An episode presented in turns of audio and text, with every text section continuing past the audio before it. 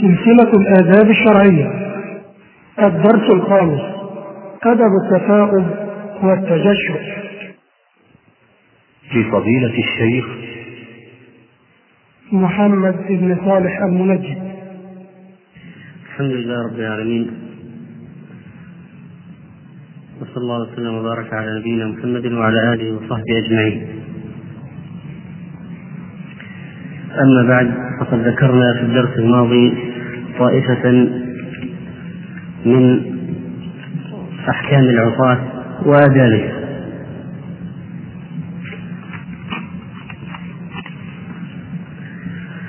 ونتم الكلام في هذه الليلة إن شاء الله عن موضوع العصاة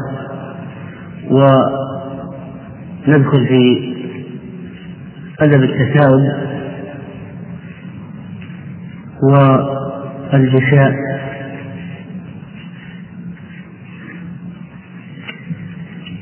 وكذلك البصاق والسكل والنخاعة والنخامة إذا صار الوقت متسعا. ندخل في الكلام أو تتم للكلام عن موضوع العصاة ومن النقطة التي أشار إليها أحد الإخوان في المرة الماضية وكنا نتكلم عنها في هذه الليلة ماذا كان يعتقد العرب في العصاة قال ابن القيم رحمه الله في مفتاح دار السعادة ومما كان الجاهلية يتطير يتطيرون به ويتشاءمون منه العصاة كما يتشاءمون بالبوارح والسوانح. طبعا هذه من أنواع الطيور أو من أنواع التي كانوا يتطيرون بها يستخدمون الطيور فيها وأتى ببعض الأبيات على تشاؤم أهل الجاهلية من العصاة وكان قال وكانوا اذا عطس من يحبونه قالوا له عمرا وشبابه. وإذا عطس من يكرهونه قالوا له ورا وقحابه والور والورى أو نعم والورى داء أو الوري داء يصيب الكبد فيفسدها. والقحاب السعال وزنا ومعنى. يعني هو السعال معناه السعال. فكانوا يدعون عليه بالداء الذي يصيب كبده وبالسعال. فكأن الرجل إذا سمع عطاسا فتشاءم به أو فكان الرجل إذا سمع عطاسا فتشاءم به يقول بك لا بي يعني إذا تشاءم من عطس يقول بك لا بي أي أسأل الله أن يجعل شؤم عطاتك بك لا بي أنا. وكان تشاؤمهم بالعطسة الشديدة أشد كما يخشى عن بعض الملوك أن مسامرا له عطس عطسة شديدة راعته يعني أخافته. فغضب الملك فقال سميره والله ما تعمدت ذلك ولكن هذا عطاسي فقال والله لئن لم تأتني بما يشهد لك بذلك لأقتلنك فقال أخرجني إلى الناس لعلي أجد من يشهد لي.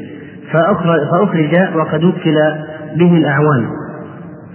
فوجد رجلا فقال نشدتك بالله إن كنت سمعت عطاسي يوما فلعلك تشهد لي به عند الملك. فقال نعم أنا أشهد لك. فنهض معه فقال أيها الملك أنا أشهد أن هذا الرجل يوما عطس فطار بوس من أضراسه فقال له الملك عد إلى حديثك ومجلسك. فلما جاء الله بالإسلام يقول ابن القيم رحمه الله وأبطل برسوله ما كان عليه الجاهلية الطغاة من الضلال والآثام نهى أمته عن التشاؤم والتطير وشرع لهم أن يجعلوا مكان الدعاء على العاطف بالمكروه دعاء له بالرحمة. إذا كان أهل الجاهلية يقولون بك لا بي إذا عطف ويقولون له أيضا يدعون عليه بالداء والمرض والسعال فجاء الله عز وجل بهذا الشرع المطهر الذي فيه الدعاء للعاطف بالرحمة وحمد العاطف الله عز وجل بعد العطاف. ولما كان الدعاء على العاطف نوعا من الظلم والبغي جعل الدعاء له بلفظ الرحمة المنافي للظلم. وأمر العاطف أن يدعو لسامعه ومشمته بالمغفرة والهداية وإصلاح البال. فيقول يغفر الله لنا ولكم أو يهديكم الله ويصلح بالكم. ويصلح بالكم. فأما الدعاء بالهداية فلما أنه اهتدى إلى طاعة الرسول يعني يهديكم الله. ورغب عما كان عليه الجاهلية فدعا له يثبته الله عليها ويهديه إليها. لما هذا العاطف قال الحمد لله فقاله المشمت يرحمك الله فيقول فيقول يهديكم الله ويصلح بالكم. وكذلك الدعاء بإصلاح البال وهي كلمة جامعة له جامعة له صلاح صلاح شأنه كله وهي من باب الخيرات. ولما دعا لأخيه بالرحمة تناسب أن يجازيه بالدعاء له بإصلاح البال. أما الدعاء بالمغفرة فجاء بلفظ يشمل العاطف والمشمت فيقول يغفر الله لنا ولكم. ليتحصل من مجموع دعوى العاطف والمشمت لهما المغفرة والرحمة معا. وهو تأسي أيضا بآدم عليه السلام. هذا بالنسبة لما كان عليه أهل الجاهلية وما جاء الله به من في هذا الدين من إبطال ذلك وإبداله بالأمر الحسن. أما بالنسبة لحديث من سبق العاطفة بالحمد أمن من الشوك واللوث والعروس وهذه الأوجاع اختلف في بعضها فليس بصحيح حديث ضعيف ولذلك لا يسبق العاطف بالحمد. لا لا يسبق العاطف لأنه قال من سبق العاطف بالحمد فإذا العاطف العاطف يترك حتى يحمد الله سبحانه وتعالى. وهذا الشوك وجع في الضرس والبطن والعروق وجع سخمة ووجع في البطن واللوث وجع في الأذن أنواع من الأوجاع. وكذلك فإنه بالنسبة للعاطف إذا عطس أكثر من ثلاث مرات فإن فإنه قد سبق القول أنه يدعى له بالعافية. ولذلك يقول ابن عبد القوي رحمه الله في المنظومة وكن للفتى عوفيت بعد ثلاثة وللطفل بولك فيك وأمره يحمدك. وعوفيت بعد ثلاثة يعني بعد ثلاث مرات يدعى له بالعافية. يقال له عفيت يقال له عفيت طبعا ليس في هذا حديث صحيح. لكن بما أنه أخبر أنه مذكور فالمناسب أن أن يدعى له بالعافية بعد تشميته ثلاث مرات. فإذا عطس الرابعة يقال له عفيت وقال شيخ الإسلام وهو منصوص الإمام أحمد. و إن عطس ثانيا وحمد شمته. وثالثا شمته ورابعا له دعا له بالعافية. ولا يشمت للرابعة إلا إذا لم يكن شمته قبلها ثلاثا. فالاعتبار بفعل التشميت لا بعدد العطسات هذا كلام صاحب الإقناع وشرح الإقناع أن العبرة بالتشميت لا بعدد العطسات فلو واحد عطس ثلاث مرات مثلا متوالية ثم قال الحمد لله فشمته ثم عطس رابعة فشمته ثم عطس خامسة فشمته كم عطس عطس؟ خمسة. كم مرة شمته؟ ثلاثة. إذا في العطسة الثالثة تقول له عفيت فقال إذا العبرة بفعل التشميت لا بعدد العطسات فلو عطس أكثر من ثلاث من ثلاث متواليات شمته بعدها إذا لم يتقدم تشميت. و ويقال له عافاك الله لأنه ويقال له عافاك الله لأنه مذكوم أو به داء وقال مهنا للإمام أحمد أي شيء مذهبك في العاطف يشمت إلى ثلاث مرار؟ فقال إلى قول عمرو بن العاص قال العاطف بمنزلة الخاطب يشمت إلى ثلاث فما زاد فهو داء في الرأس.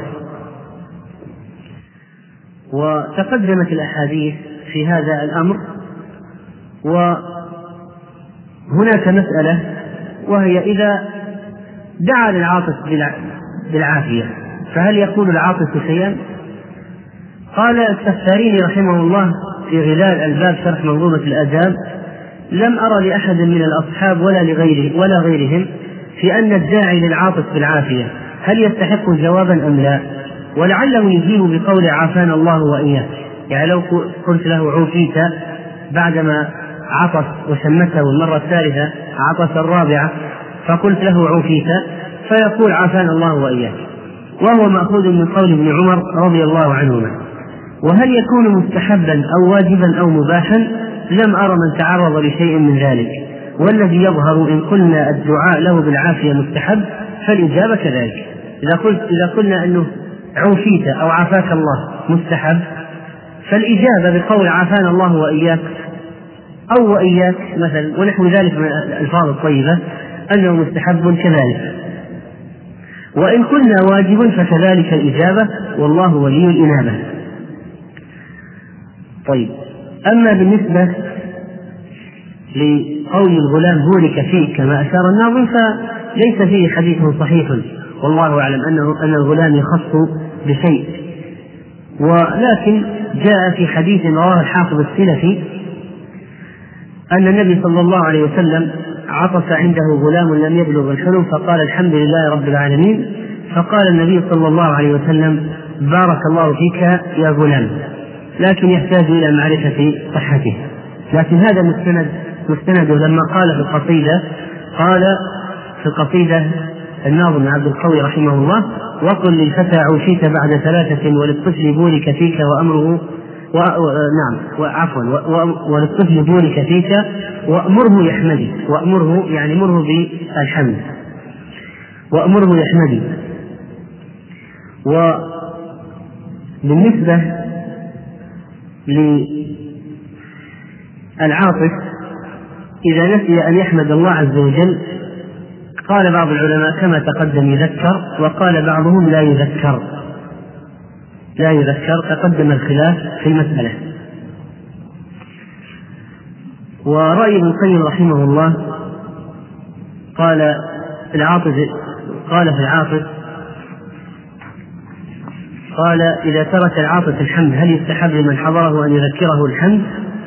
قال ابن العربي لا يذكره وهذا جهل من فاعله وقال النووي أخطأ من زعم ذلك بل يذكره لأنه مروي عن النخع وهو من التعاون على البر والتقوى فقال القيم بعد ذلك وظاهر السنة تقوي قول ابن العربي لأن النبي صلى الله عليه وسلم لم يشمت الذي لم يحمد الله ولم يذكره وهذا تعذير له وحرمان لتركه الدعاء لما حرم نفسه بتركه الحمد فنسي الله تعالى فصرف قلوب المؤمنين وألسنتهم عن تشميته والدعاء له ولو كان تذكيره سنة لكان النبي صلى الله عليه وسلم أولى بفعلها وتعليمها والاعانه عليها.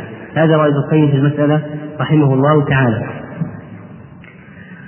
وذكر في شرح الإقناع ما يؤيد أنه ينبغي تذكير من نسي حمد الله. قال المروزي أن رجلا عطس عند أبي عبد الله الإمام أحمد رضي الله عنه ورحمه فلم يحمد الله. فانتظره أبو عبد الله أن يحمد الله فيشمته. فلما أراد أن يقوم قال له أبو عبد الله رضي الله عنه كيف تقول إذا عطس قال أقول الحمد لله فقال له أبو عبد الله يرحمك الله. قال في الآداب وهذا يؤيد ما سبق يعني من كون بعض الأصحاب كان يذكر خبر من سبق العاطس بالحمد أمن من الشوط ونحوه ويعلمه الناس قال وهو متجه فالمسألة على أي حال فيها قولان هل يذكر أو لا ولكل من لكل من ذهب إلى أحد المذهبين آه، رأي. وأما بالنسبة للتثاؤب فإن التثاؤب كما تقدم هو من الشيطان. كما قال البخاري رحمه الله في كتاب الأدب باب ما يستحب من العطاس وما يكره من التثاؤب وذكر حديث أبي هريرة عن النبي صلى الله عليه وسلم إن الله يحب العطاس وفيه وأما التثاؤب فإنما هو من الشيطان فليرده ما استطاع فإذا قال ها ضحك منه الشيطان. وفي رواية أبي داود فإذا تثاءب أحدكم فليرده ما استطاع ولا يقل ها ها فإنما ذلك من الشيطان يضحك منه يضحك منه. وفي رواية إذا تثاءب أحدكم فليمسك على فيه فإن الشيطان يدخل يعني يدخل مع التثاؤب يدخل مع التثاؤب فإذا التثاؤب من الشيطان. والتثاء والشيطان يدخل مع التثاؤب إلى الجوف إلى جوف الشخص ويضحك من العبد المتثائب من العبد المتثائب أما بالنسبة للتشاؤم فأصله من سائب فهو مسؤول. إذا استرخى وكسل. إذا استرخى وكسل يقال له سائب ومسؤول. فإذا مرد التثاؤب إلى الكسل. مأخوذ من الكسل. النبي صلى الله عليه وسلم أرشد في الحديث بقوله فإذا تثاءب أحدكم فليرده ما استطاع. وجاء في الرواية الأخرى فليضع يده على فيه. فإذا وضع اليد على الفم. جاء هذا في حديث مسلم إذا تثاءب أحدكم فليمسك بيده على فيه. فليمسك بيده على فيه.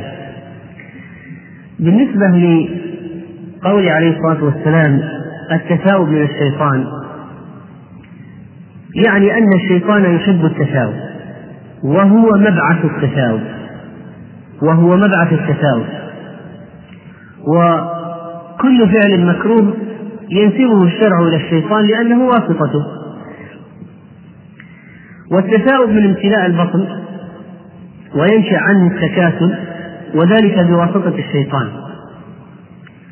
وأضيف التثاؤب إلى الشيطان كما يقول النووي رحمه الله لأنه يدعو إلى الشهوات إذ يكون عن ثقل البدن واسترخائه وامتلائه والمراد التحذير من السبب الذي يتولد منه التثاؤب وهو التوسع في الأكل يعني أنه ينتج من ذلك أما قوله صلى الله عليه وسلم إذا تثاءب أحدكم فليرده ما استطاع هل المقصود إذا تثاءب يرده بعد انتهاء التثاؤب؟ الجواب لا هذا أسلوب تستعمله العرب. إذا تثاءب أحدكم يعني إذا شرع فيه إذا بدأ فيه فليرده ما استطاع. يأخذ في أسباب رده. وقيل إن المقصود إذا تثاءب يعني إذا أراد أن يتثاءب مثل فإذا قرأت القرآن فاستعذ بالله يعني إذا أردت قراءة القرآن إذا أردت أن تشرع فيها. وقوله صلى الله عليه وسلم فإن أحدكم إذا تثاءب ضحك منه الشيطان وفي رواية فإذا قال آه وإذا في رواية إذا قال ها مر بتقديم الهاء ومر بتأخيرها. ضحك منه الشيطان. وفي رواية فإن الشيطان يدخل. يدخل مع التثاؤب. ورد في رواية ضعيفة لابن ماجه فليضع يده على فيه ولا يعوي. فإن الشيطان يضحك منه. يعني شبه الصوت بعواء الكلب. ولكن هذه الرواية لم تثبت. الآن تغطية الفم وكظم التثاؤب هل هو خاص بالصلاة أو عام يشمل الصلاة وغير الصلاة؟ أما روايات الصحيحين فليس فيها تقييده بالصلاة. أكثر روايات الصحيحين عامة. ليس فيها تقييد التثاؤب الذي نرده ونكظمه ونضع اليد على الفم. ليس فيها تقييده بالصلاة. وورد في بعض الروايات تقييده بحال الصلاة. فهناك احتمال أن يحمل المطلق على المقيد ونقول الكظم والتغطية والمجاهدة والحبس هو في الصلاة. أو أن نقول إنه عام ولكنه في الصلاة يكون أوكد. ولعل هذا هو الأقوى والله أعلم. فإن الشيطان في الصلاة له غرض قوي في التشويش على المصلي. وهنا قاعدة أصولية يذكرها بعض أهل العلم وهي أن المطلق إنما يحمل على المقيد في الأمر لا في النهي. وموضوعنا الآن في حديث التفاوض أمر أو نهي؟ أمر. وبناء على ذلك قاعدة حمل المطلق على المقيد لا تنطبق لأن لأن أو آه، قال إذا تذاب أحدكم فليرده ما استطاع ولا نص الحديث فإن أحدكم إذا تثاءب ضحك منه الشيطان وهو قال هنا فليرده ما استطاع فإن أحدكم إذا قالها ضحك منه الشيطان. فاللام هنا طبعا لا شك انها لام الأمر.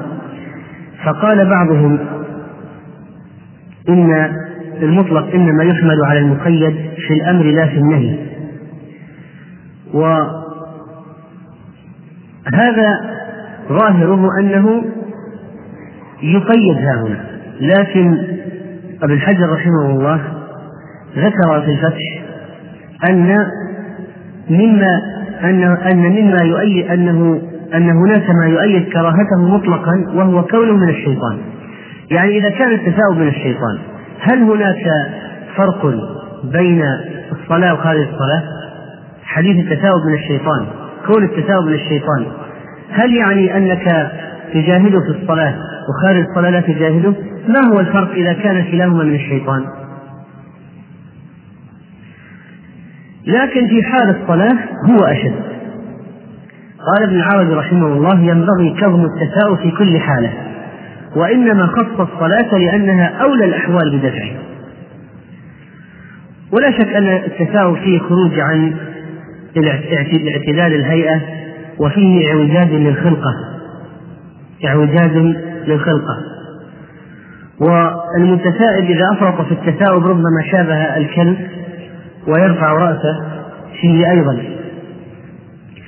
وبذلك يعلم أن الشيطان إذا دفع العبد إلى التثاؤب فإنه يصيره في وضع كريه. فإن الإنسان لو قدر له أن يرى حاله أمام المرآة وهو يتثاءب لرأى منظرا كريها بشعا. وهذا بالإضافة يعني الشيطان من كيد أنه يدفع للتثاؤب وهو هيئة كريهة وبشعة. وهو أيضا يدخل مع التثاؤب وظاهر الحديث الدخول الحقيقي. ظاهر الحديث الدخول الحقيقي. فإن قال قائل إنه يجري من آدم مجرى الدم فنقول إذا كان ذاكر لله يتمكن منه. لكنه إذا تثاءب في تلك الحالة ولم يرده تمكن الشيطان من الدخول فيه حقيقة. ولا يمنع أن يدخل فيه وهو يسير منه أو يجري منه مجرى الدم. ومثل القضايا الغيبية يعني الجن والشياطين لا تؤخذ بالعقول ونقول هذا داخل فكيف يدخل وهذا خارج. ف... هذه القضايا مردها إلى الله سبحانه وتعالى. هو يعلم كيفية ذلك. وبالنسبة لتغطية الفم فإنه يغطى بالكف ونحوه إذا انفتح إذا انفتح غطاه فإذا كان منطبقا فهل يغطيه أو لا؟ يعني إذا واحد استطاع أن يجاهد نفسه في أن لا ينفتح فمه عند التثاؤب، لا ينفتح أصلا. فنقول يغطيه احتياطا، لأن التثاؤب فيه رغبة قوية في فتح الفم، فاحتياطا يغطي يده يغطي فمه بيده. أما إذا انفتح فيتأكد التغطية، تتأكد التغطية. هل يلزم وضع اليد بالذات أو يمكن أن يضع ثوبه لو مثلا وضع طرف الغترة مثلا أو غطاء الرأس ونحوه أو الكم وضعه على فيه أو منديل فنقول المقصود هو التغطية وليس الشرط أن تكون باليد ليس الشرط أن تكون باليد. لكن إذا كان لا يستطيع أن يغطي إلا باليد تعينت اليد. مثل أن يكون ليس عنده شيء قريب يغطي به ونحو ذلك. ويتأكد تأكد التغطية في حال الصلاة أيضا كما تأكد مجاهدة التثاؤب في حال الصلاة. ومن الأشياء المفيدة أن الإنسان المصلي أو قارئ القرآن إذا تثاءب يكف عن قراءة القرآن حتى ينتهي من مقاومة التثاؤب لأن التثاؤب يغير القراءة يغير نظم القراءة تتغير ربما تتغير الحروف. وجاء عن مجاهد وعكرمة وعدد من التابعين المشهورين هذا وهو الإمساك الأمر بالإمساك عن القراءة حال التثاؤب وحكم التثاؤب في الصلاة أنه مكروه. إذا أمكن دفعه وينبغي عليه مجاهدة نفسه للأمر الوارد في الحديث خصوصا أن طريقة كثير من أهل الظاهر أنهم يوجبونه في مثل هذه النصوص. هل يرده بيده اليمنى أو اليسرى؟ إذا تساءل استخدم في التغطية اليمنى أو اليسرى ليس هناك والله أعلم نص في هذه المسألة. ولكن بعضهم يقول إنه يغطي فمه بيده اليسرى لأن مبعثه من الشيطان. وذكر السفاري رحمه الله كلاما عن أحد شيوخه لكن آه، ليس ليس فيه دليل. يقول قال لي شيخنا التغلبي فتح الله له في قبره إن غطيت فمك في التثاؤب بيدك اليسرى فبظاهرها. وإن كان بيدك اليمنى فبباطنها. يد اليسرى غطي بظاهرها. هذا الظاهر. وإذا كان باليمنى بباطنها. هذا الباطن. طبعا هذا التفريق ربما لا يوجد عليه دليل. لكن هو يراعي معنى. هذا من مراعاة المعنى وليس من مراعاة الدليل. يقول والحكمة في ذلك لأن اليسرى لما خبث ولا أخبث من الشيطان. ولا أخبث من الشيطان. وإذا وضع اليمنى فبطنها لأنه أبلغ الغطاء. اليمنى طبعا أبلغ في التغطية. تحكم بالتغطية بالباطن اليد أكثر من الظاهر إذا قلبها. على أية حال قال واليسرى معدة لدفع الشيطان وإذا غطى بظهر اليسرى فببطنها معد للدفع. يعني أن هذا الذي يدفع به. فيجعلها من فيجعل الظاهر على الفم والباطن كأنه للدفع. وهذا طبعا ليس لم يذكر فيه دليل فالمسألة واسعة إن شاء الله إذا غطى باليمنى أو باليسرى. لكن فيه معنى إذا قلنا أنه باليسرى لأجل أنه من الشيطان. و بالنسبة للتثاؤب بالنسبة للتثاؤب فقد ذكر بعض أهل العلم بحثا في موضوع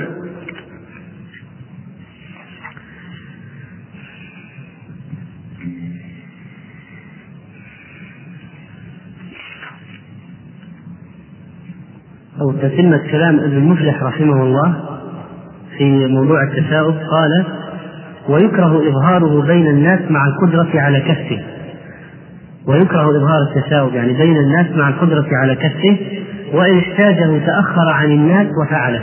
يعني احتاجه غلبه التثاؤب أخفى ذلك عن الناس.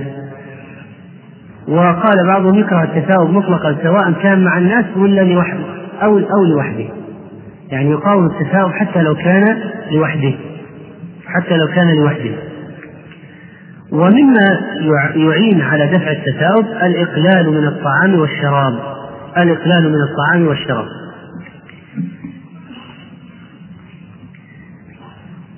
من الأشياء التي ذكرها بعض أهل العلم في موضوع التثاؤب هل يتثاءب النبي صلى الله عليه وسلم أم لا؟ على أساس أن التثاؤب من الشيطان فهل يتثاءب النبي صلى الله عليه وسلم أم لا؟ قال ابن حجر رحمه الله في الفتح وفي الخصائص ومن الخصائص النبوية ما أخرجه ابن أبي شيبة والبخاري في التاريخ من مرسل يزيد بن الأصم. إذا هذا مرسل. قال ما تثاءب ما تثاءب النبي صلى الله عليه وسلم قط وأخرج الخطابي من طريق مسلم بن عبد الملك بن مروان قال ما تثاءب نبي قط ومسلم أدرك بعض الصحابة وهو صدوق. إذا هو تابعي ويؤيد ذلك ما ثبت أن التثاؤب من الشيطان. فإذا أتى بروايتين مرسلتين وقال ويؤيد ذلك أن التثاؤب من الشيطان. ووقع في الشفاء لابن سبع أنه صلى الله عليه وسلم كان لا يتوصى لأنه من الشيطان. والله أعلم. والله أعلم. هذا بالنسبة لما يتعلق بموضوع التثاؤب وأما بالنسبة للتجشؤ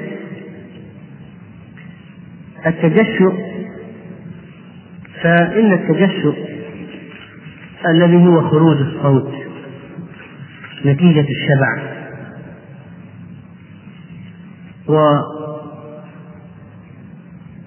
ويخرج معه ريش عادة رائحة من البطن. فقد ورد فيه حديث عن النبي صلى الله عليه وسلم رواه الترمذي وابن ماجه عن ابن عمر وحسنه الشيخ الألباني بلفظ كف عنا دشاءك فإن أكثره شبعا في الدنيا أطولهم جوعا يوم القيامة.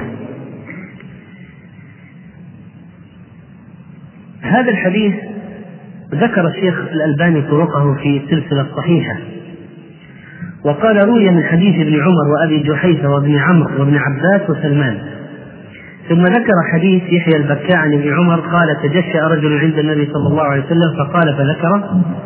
أخرجه الترمذي وقال الترمذي حديث غريب من هذا الوجه قلت يعني ضعيف لأن يحيى بن مسلم البكاء ضعيف. من فضلك اقلب الشريط.